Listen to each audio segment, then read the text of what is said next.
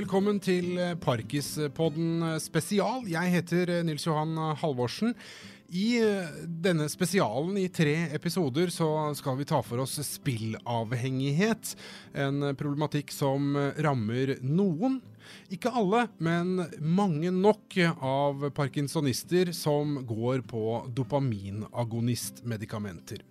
Og til å belyse dette temaet sånn innledningsvis, så skal vi si hei til, igjen til Alexander Hagen Erga. Velkommen tilbake.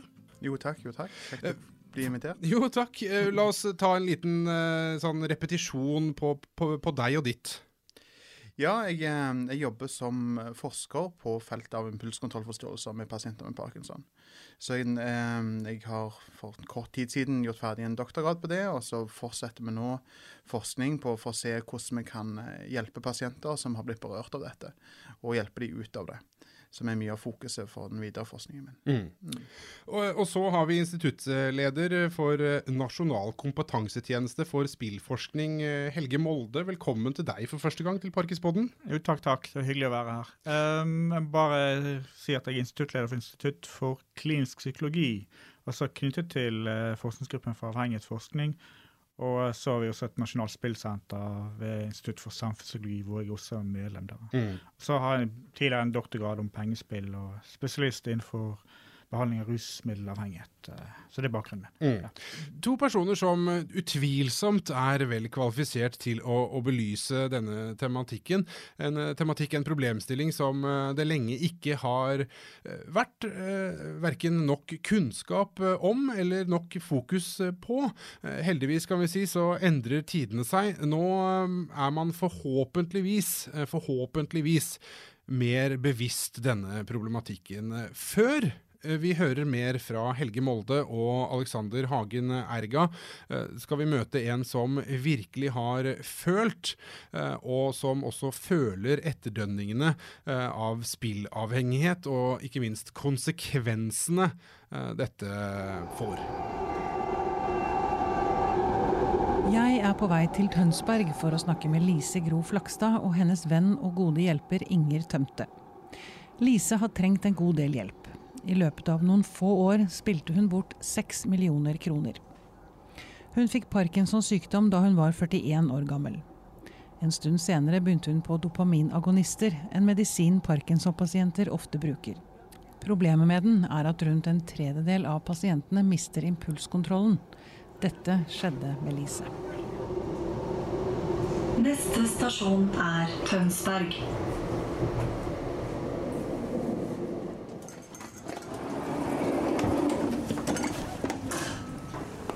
Jeg drar hjem til Inger, hvor hun og Lise venter med lunsj. Og spørre deg først, Lise, Hva er det du gjør med den maskinen der? Nå skrur jeg av strømmen litt. Eller skrur ned på strømmen, strømmen. Sånn at dere kan prate. For da er ikke de veien for talesenteret. For det er en av bivirkningene med denne dype hva heter det? Dypstimulering? Hjernestimulering. Ja, nettopp. Ja, det er en av bivirkningene på det. Jeg har Vært heldig med de. Får de bivirkninger som er å få. ok, Lise, vi er jo her for å snakke om uh, bivirkninger, ikke på dette, men på medisinene. Uh, dopaminagonister. Du ble diagnostisert med parkinson da du var 41. Det er altså, hva er det 13-14 år siden? Mm, det stemmer. Da, du, da legen din skrev ut disse medisinene, snakket han noe om bivirkningene? Nei, det var Eller han snakket om det, men det gjaldt ikke meg. Jeg tenkte at jeg kommer aldri til å gjøre det. Her er det altså en tidslinje som går fra 2006 og frem til i dag, eller? Det er veldig mange ark her. Altså, det er en lang rull. Den er noen meter lang. Den. ja, fordi vi begynte å se på Lises eh, journal. Mm. Og det var så vanskelig å få oversikt over hva som hadde skjedd. Så jeg sa til Lise at jeg tror vi må, må sette det her på en, sånn, på en tidslinje. Mm. Så har den forandra seg litt. Og nå er det en stund siden vi har, har sett på den, for nå Det er sånn i perioder hva som er aktuelt å jobbe med. liksom. Her står det én. Er det første måneden hun gikk på medisiner, eller? Der begynte hun å få Rekvip, som er diagonisten. Det var altså i oktober 2006.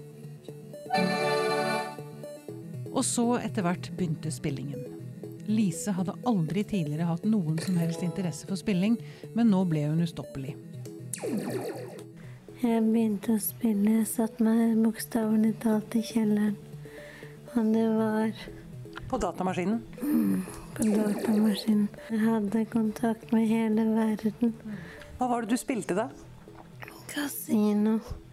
Nettspill med pling og plong og lys og Det var helt besettelse. Jeg hadde ikke tid til å prate med mennesker. Jeg ønska bare at de skulle gå, sånn at jeg fikk spille. Men var dette normal atferd for deg, eller? Nei, det kan du si det ikke var. Det er alt det, det som var unormalt, var unormalt. Jeg var helt en annen. Lise var parkert. Og det var impulskontrollet som hadde tatt overhånd. Men si meg, eh, hvordan finansierte du dette? Kort. Over hele verden. Du hadde flere kort? Mange Jeg hadde snakka engelsk og tysk og fransk og alt som skulle. Det, det var rett og slett ikke meg. Men fordi først så spilte du da opp de pengene du hadde, og så begynte du å spille på kreditt. Ja. Masse kreditt. Hvor mye penger spilte du bort da? Rundt omkring seks millioner, tror jeg. Noen dager så våkner jeg opp og jeg kan huske ting nå. Etter mange år. Og da gikk det en million i trøkket, for å si det sånn. Ja, Det skjønte jeg ikke.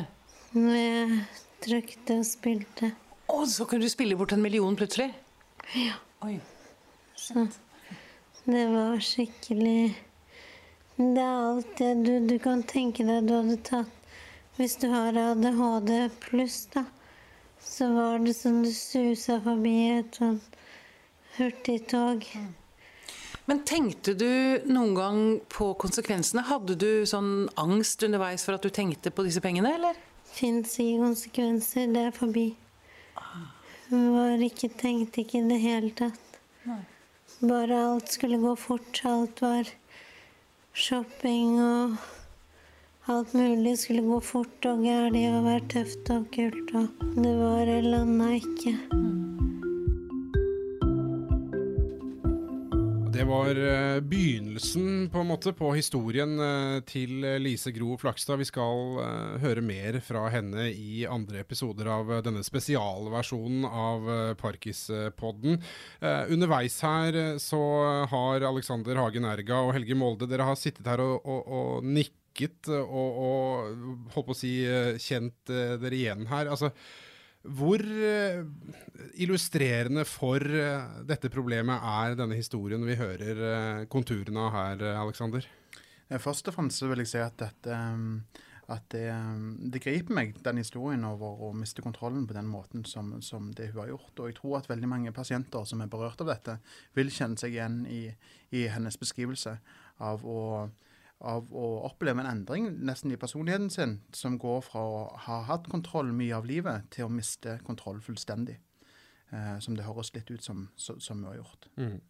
Ja, Helge, så du, du kan jo mye om eh, spilling generelt. altså ikke, Kanskje ikke så veldig mye om de som har parkinson spesifikt, men hvor, hvor gjenkjennelig er dette her for deg? Ja, det, det som jeg slo meg her, da, det er jo at øh, hun beskrev dette som en litt sånn De spurte om hun hadde angst underveis, og var vel forbi der, sa hun. Da, og da tenker jeg kanskje at øh, Kanskje hun har ikke hatt så mye ambivalens knyttet til dette. og Det, det tror jeg eh, kanskje kommer av at øh, hun opplever dette som helt naturlig for henne. At hun ikke stiller spørsmål med det. Og egentlig det andre rundt henne som kjenner henne, som vil kunne kjenne igjen at dette er ikke henne. Mm. Sånn at det, altså det er en del av du kan si sykdommen da, at uh, hun ikke kjenner igjen at dette er galt, eller dette går, går feil veien, eller at dette bør jeg ikke gjøre. Da. Sånn at de sperrene eller bremsene mm, jeg fikk en sånn idé eller inntrykk at de, de, de har vært borte. Mm. Men er det, Ja, ja. er det likt eller ulikt altså hva skal man si, personer uten parkinson altså, som, som spiller? Jeg vil tenke at det er litt spesielt kanskje for Parkinson, eh, mer enn eh, for pengespill generelt. Da, fordi de, de som satser eh, og utvikler en pengespillidelse, de vil nok ha angst og depresjon som følgetilstander i stor grad også. Fordi, eh, fordi eh, de tror jo da, de som har pengespillproblemer, tror jo at de kan vinne, og, og, at de har si, midlertidige tap da, som de kan vinne igjen. Mens, eh, men det, det, å, det å sitte i stor gjeld, og det å spille bort millioner av kroner altså Den jevne mann vil, vil eh, ha splitt, dypt, dypt splittede følelser knyttet til det, og også, også tvil om seg selv. Og, så det, det tror jeg er forskjellig for Parkinson-pasienter.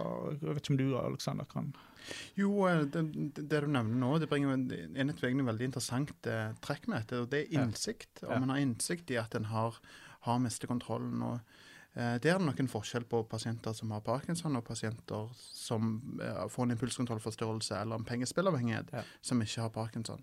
Um, vi holder faktisk på med et prosjekt nå hvor vi ser på enighet mellom pårørende og pasienter i om de rapporterer impulskontrollforstyrrelser. Ja. Og Der ser en at i mange tilfeller så, så eh, ser pårørende eller partner at her har pasienten mistet kontrollen, men pasienten sjøl kjenner seg ikke igjen i Ja. dette. Ja. Og, det, og det ser en relativt sjeldent, eh, vil jeg si, hos, hos folk med pengespillavhengighet. Ja, de vil, de vil nok i større grad være klar over at, at dette i hvert fall for andre oppleves som et problem, og kanskje vi ønsker å skjule, skjule omfanget det, både for Mm. partnere eller for arbeidsgiver eller andre nære. da. Mm. Sånn at skam- de, skam, skam og ja. skyld eh, Ja. Mm. Og det, og det er he, og, det, og de altså, hva jeg vil kalle altså, man sier normale reaksjonene da, når Ja, man ja. gjør noe som man vet eh, man ikke burde, det er borte hos eh, Parkinson-pasienter. Det, det, det blir noe hard påstand, vil jeg si, at det er helt borte. Men eh, eh, jeg tror mange vil beskrive eh, perioden med impulskontrollforstyrrelser noe likt eh, det som Lise gjør. Lise? Mm. Ja. Eh, for, eh, fordi mange mister kontrollen en periode og har det egentlig ganske gøy med den aktiviteten de går inn i. Enten om det er pengespill, om det er ny type seksuelle erfaringer, om det er shopping. Eller ja, en vil ha det ganske gøy. Eh, men etter hvert som konsekvensene blir vanskeligere og vanskeligere å gjemme, så eh, kom, kommer kanskje dette med skyld, dette med noen depressive plager, og det at livet har blitt snudd opp ned, det blir mer tydelig da. Eh, Så, så det er ikke et fravær av skam eller skyld eller triste ting, men at det kanskje ser litt annerledes ut i tidslinjen enn det det gjør for, for pasienter uten parkinson. Mm, mm. Men, men altså, som hun sier her, altså, eh, eh, da det ble så vidt nevnt da hun startet på medisinene, så, så sier hun at eh, «Nei, det kommer jeg aldri til å gjøre. Tenkte hun da. Da Idet hun begynte med disse medisinene og fikk beskjed om at ja, det kan hende at du får litt problemer med spill. Nei, det kommer jeg aldri til å gjøre, for det, det er ikke meg. Er det, altså, Kjenner du deg igjen i det, Helge? Altså, det er ingen som ønsker å ha en karriere som enten alkoholiker eller spilleavhengig. Det er ikke noe man setter seg ned og planlegger. Da. Så det er jo sånn du blir fanget i spillet eller fanget altså, Med alkohol så er det jo sånn fysisk avhengighet som du utvikler fordi du, du drikker.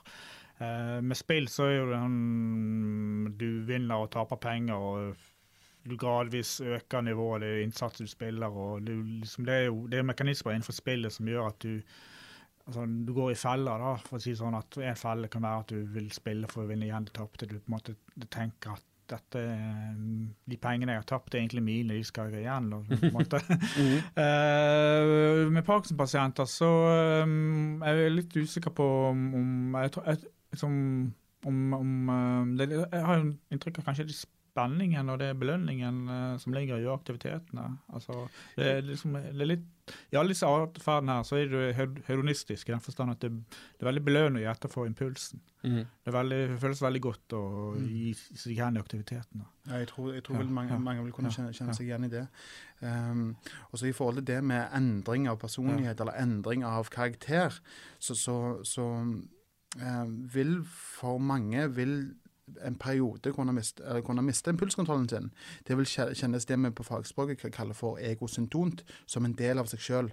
Det er liksom, for, veldig få så vil det være en opplevelse at oi, nå kommer det plutselig en kraft av pengespill mot meg, og jeg klarer ikke å stå imot. Det vil være sånn Dette har jeg lyst til å gjøre. Dette er kjekt.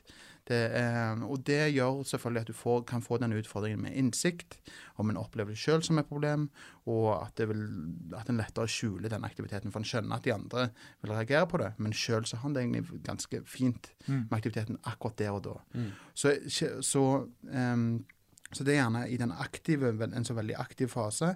Eh, etter hvert, når konsekvensene blir større, så vil pasienter kanskje eh, oppleve dette som ego, liksom, det er ikke symptomt, men dystont, eller at det ikke, at det ikke treffer. Dette er ikke meg, jeg har aldri vært sånn før jeg nå begynte på denne medisinen, og før jeg mistet kontroll over eh, eh, mistet kontroll over uh, impulskontrollen min. Mm. Så det, det at dette, dette vaker litt. Eh, rett og slett. I perioder så kan det være en del av en, og i andre perioder så vil det være en helt fremmed kraft som har kommet over en. Jeg har bare lyst til å eh, ta en liten sånn recap som dette, spole litt sånn kjapt tilbake, Alexander. Eh, hva er det som skjer? Altså, hvorfor skjer dette med Parkinson-pasienter? Akkurat nøyaktig hvorfor, det har, det har vi ikke i dag en sånn helt sånn konkret forståelse for. Det er nok veldig mange ting som spiller inn. Det vi ser, er at for, eh, for veldig mange så er det en sammenheng mellom det å miste kontroll over impulsene sine og oppstart på ulike typer medisiner, og da primært dopaminagonister. Det skal sies at det er ikke bare dopaminagonister som, som kan utløse dette. Det er òg pasienter som starter på levodopa eller andre dopaminerge medisiner, som da kan eh, oppleve en endring i impulskontrollen sin. Men det er nok størst risiko for de som starter med en dopaminagonist. Så um, En starter jo med disse medisinene fordi at en har for lite dopamin i hjernen som et resultat av Parkinsons sykdom. Så Derfor tilfører en dopamin eh, for å da hjelpe de motoriske sentrene i hjernen eh, til å gjøre det de skal. Eh, så er det sånn at dopamin fungerer på flere andre områder i, hjernen. Ikke bare de motoriske banene. De er veldig involvert i måten vi tenker på. Eh, Det er en bane som liksom går til den delen av hjernen som er involvert i beslutningstagning, i impulskontroll og sånne ting. Og så er er det òg en bane som går direkte inn til det området som som kalles for belønningssenteret. Og i eh, belønningssenteret er ikke så sterkt påvirka av Parkinsons sykdom som det de motoriske områdene av hjernen er. Så når du da til, tilfører en, en, en stadig eh, eh, bølge av, dop av dopamin, så er tanken at dette har da en annen effekt på, på reward-senteret, eller belønningssenteret i hjernen, enn det det har eh, på det motoriske. Så du klarer å behandle, liksom, det, eller tilføre den dopaminen som trengs i de motoriske områdene, men det kommer kanskje for mye dopamin inn i eh, belønningssystemet. Mm, mm. Ja, altså, man, man, man på en måte søker mer og mer belønning for å treffe nullpunktet, eller gledes-plusspunktet, da, på en måte. Eh, Ja, det kan være én måte å se på det på. Samtidig så eh, dette senteret, belønningssenteret, det, det avhenger av veldig mange forskjellige mekanismer. Én ting er liksom om, om en trenger mer og mer for å få samme type stimulering. En annen ting er om dette senteret klarer å lytte til negative tilbakemeldinger. Og det, og det, det er òg en mekanisme som kan bli forstyrra. Og akkurat her holder vi på å prøve å finne ut av akkurat på hvilken måte blir, eh, blir dette senteret påvirket. Og har det òg en sammenheng med f.eks. en av de andre banene som går til mer de kognitive områdene, evnen til beslutningstagning. Mm sier du nå at uh, dette er sammenlignet med at du, gasspedalen ble trykket inn mens bremsen ble lettet? Ja, det er en modell, eh, modell som, som mange jobber ut ifra, og som gir veldig mening. Mm. Og samtidig, bare for å, til, for å gjøre dette enda mer komplisert, så skal vi hive på gener på dette i tillegg. Fordi at en ser at det er nok noen genetiske disposisjoner hos noen pasienter som forklarer at akkurat de får en impulskontrollforstyrrelse eh, når de får dopaminagonister. For vi skal huske det at det er ikke alle pasienter som starter med en dopaminagonist, som får en impulskontrollforstyrrelse. Så her er det òg noen andre ting enn bare medisinen i seg sjøl som er med og, altså, som er en del av bildet. Mm, mm. Eh, Helge, Ja. altså hvordan, hvordan forebygger man dette? Hva gjør man for å hindre at eh, ja, Nå er det for seint, dessverre, for, for Lise, men for, for andre at de ikke spiller bort millioner? Altså, jeg tror eh, informasjon både til eh, pasient pårørende, også at uh, de som behandler er oppmerksom på det og uh, tar høyde for det, og, og følger opp pasientene. Uh, vi, altså, sånn at, sånn at ikke, måte, Man må mer enn advare, man må holde tilsyn med pasientene hyppig, hyppig tenker jeg, samtaler. og oppfølging. Men det, men ja, altså, ja. Det, er, jeg tenker, det er jo litt sånn, Jeg skal stille spørsmål til Alexander etterpå, men det eh, jeg vet, eh, de aller fleste relativt oppegående vet at det er ikke bra å spille bort for mye penger.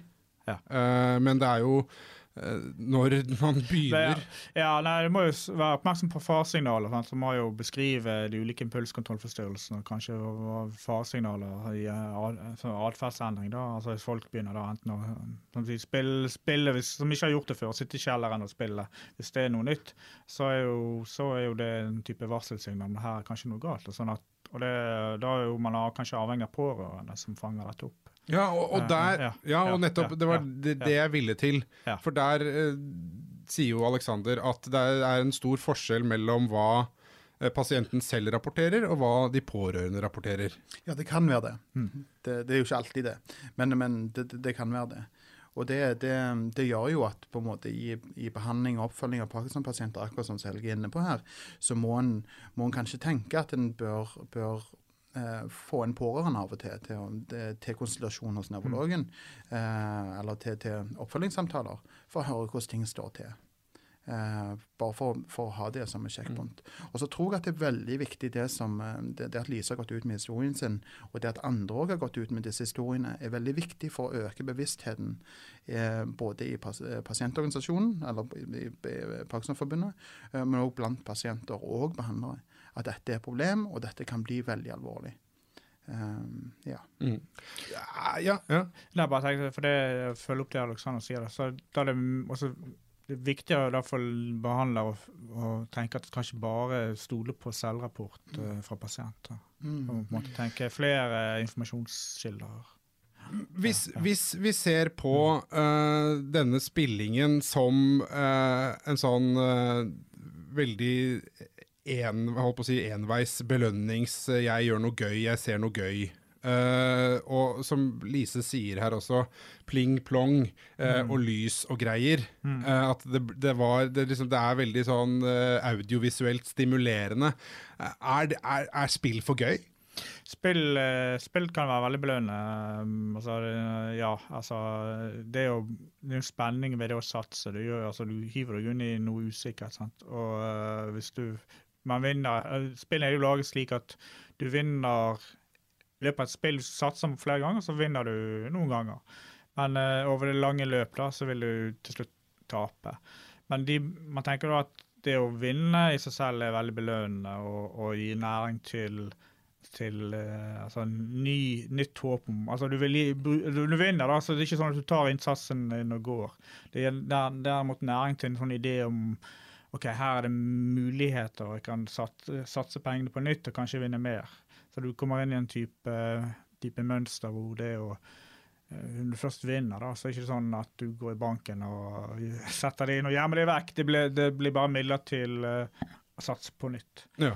Uh, og da vet vi at spillene er laget sånn at du, du den jevne spiller skal, ha, skal tape over tid. Da. Ja. Men er det noe ja. bare av ren nysgjerrighet, ja. er det noe med liksom, andelen blinking og lyder og Jeg husker disse, de, disse Narvesen-kioskautomatene som var før i tiden. De blinkte jo og lagde lyd og musikk og sånn. Ja.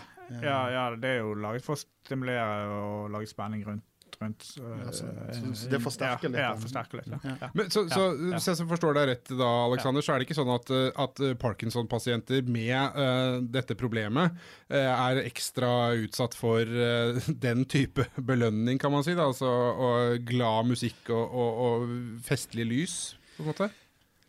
Nei, jeg bare vil tenke lyst til å spørre Alexander også, Vi kan vel ikke på forhånd si hvilken, hvilken impulskontroll hvilken pulskontrollforstyrrelse man har størst risiko for.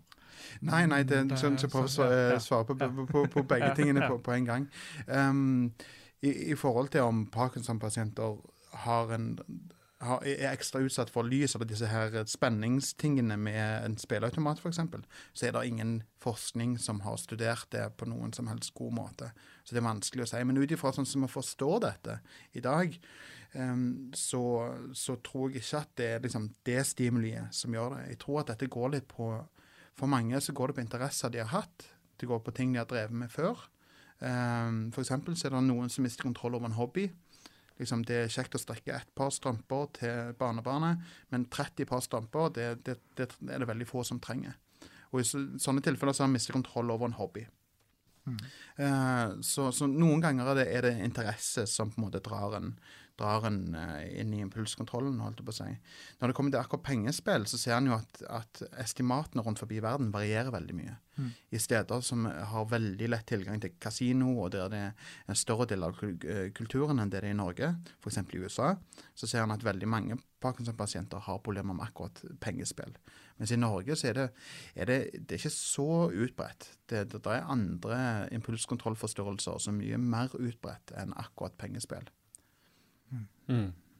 Men eh, hvis, hvis, dere skulle på en måte få lov til å velge fra øverste hylle, eh, Helge først, av eh, tiltak for å, å, begrense og forebygge dette her, hva ville det vært?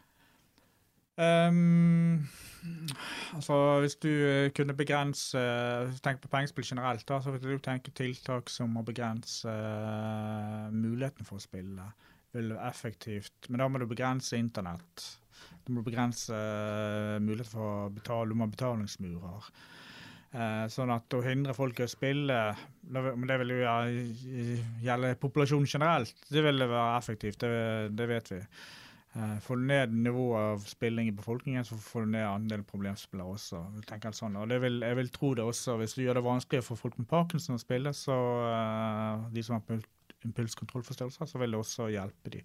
Men, men um, det, er jo, det, er jo, på et politisk regulativt nivå. Hvis du tenker på den jevne pasient når du først får uh, en Parkinson, så vil jeg jo tenke uh, den kontakten og den, altså, den kunnskapen om, om, som er om impulskontrollforstyrrelser, og, altså, og hjelpeapparatet, at det er, har den kunnskapen og også har har en strategi eller en, eh, en, måte å følge det opp på, da, som, som, hvis det først oppstår problemer, at man kan få hjelp. da.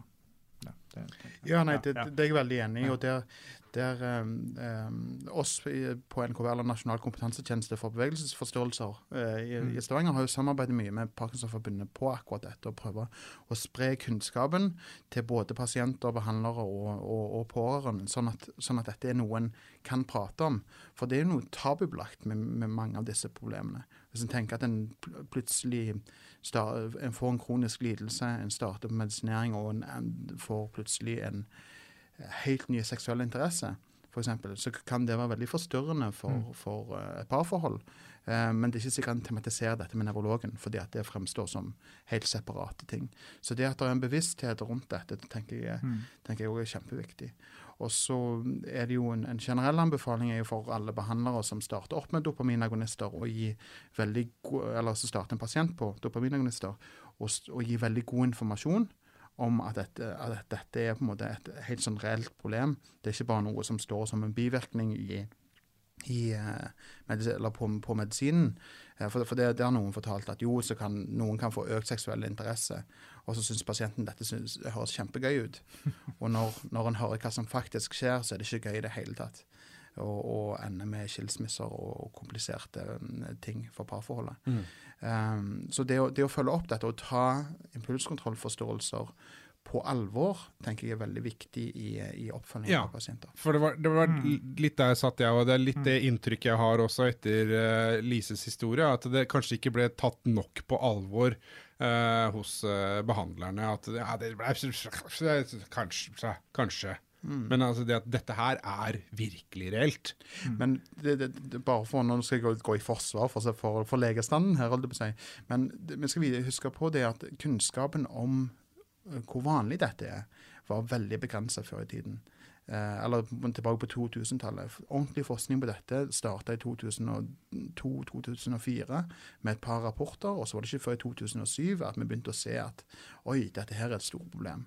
Så det tenker jeg er veldig viktig å, å ta med. at Jeg tror at veldig mange behandlere ikke har visst om, eller, eh, eller ikke har visst om at én pasient har dette problemet, eller ikke visst om hvor eh, Eller hele feltet som en helhet og har undervurdert frekvensen av dette. Men nå vet, håper jeg, at de fleste behandlere tar dette på alvor og, og følger dette opp på en god måte. Mm. Skal vi la det være siste ord i, i eh, denne omgang eh, her i Parkispodden eh, spesial. Alexander Hagen Erga og Helge Molde, takk for at dere kom i studio.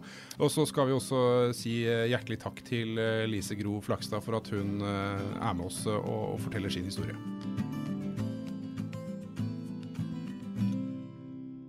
Denne podkasten er produsert av Tid og Lyst. For Norges Parkinsonforbund med støtte fra Lotteri- og stiftelsestilsynet.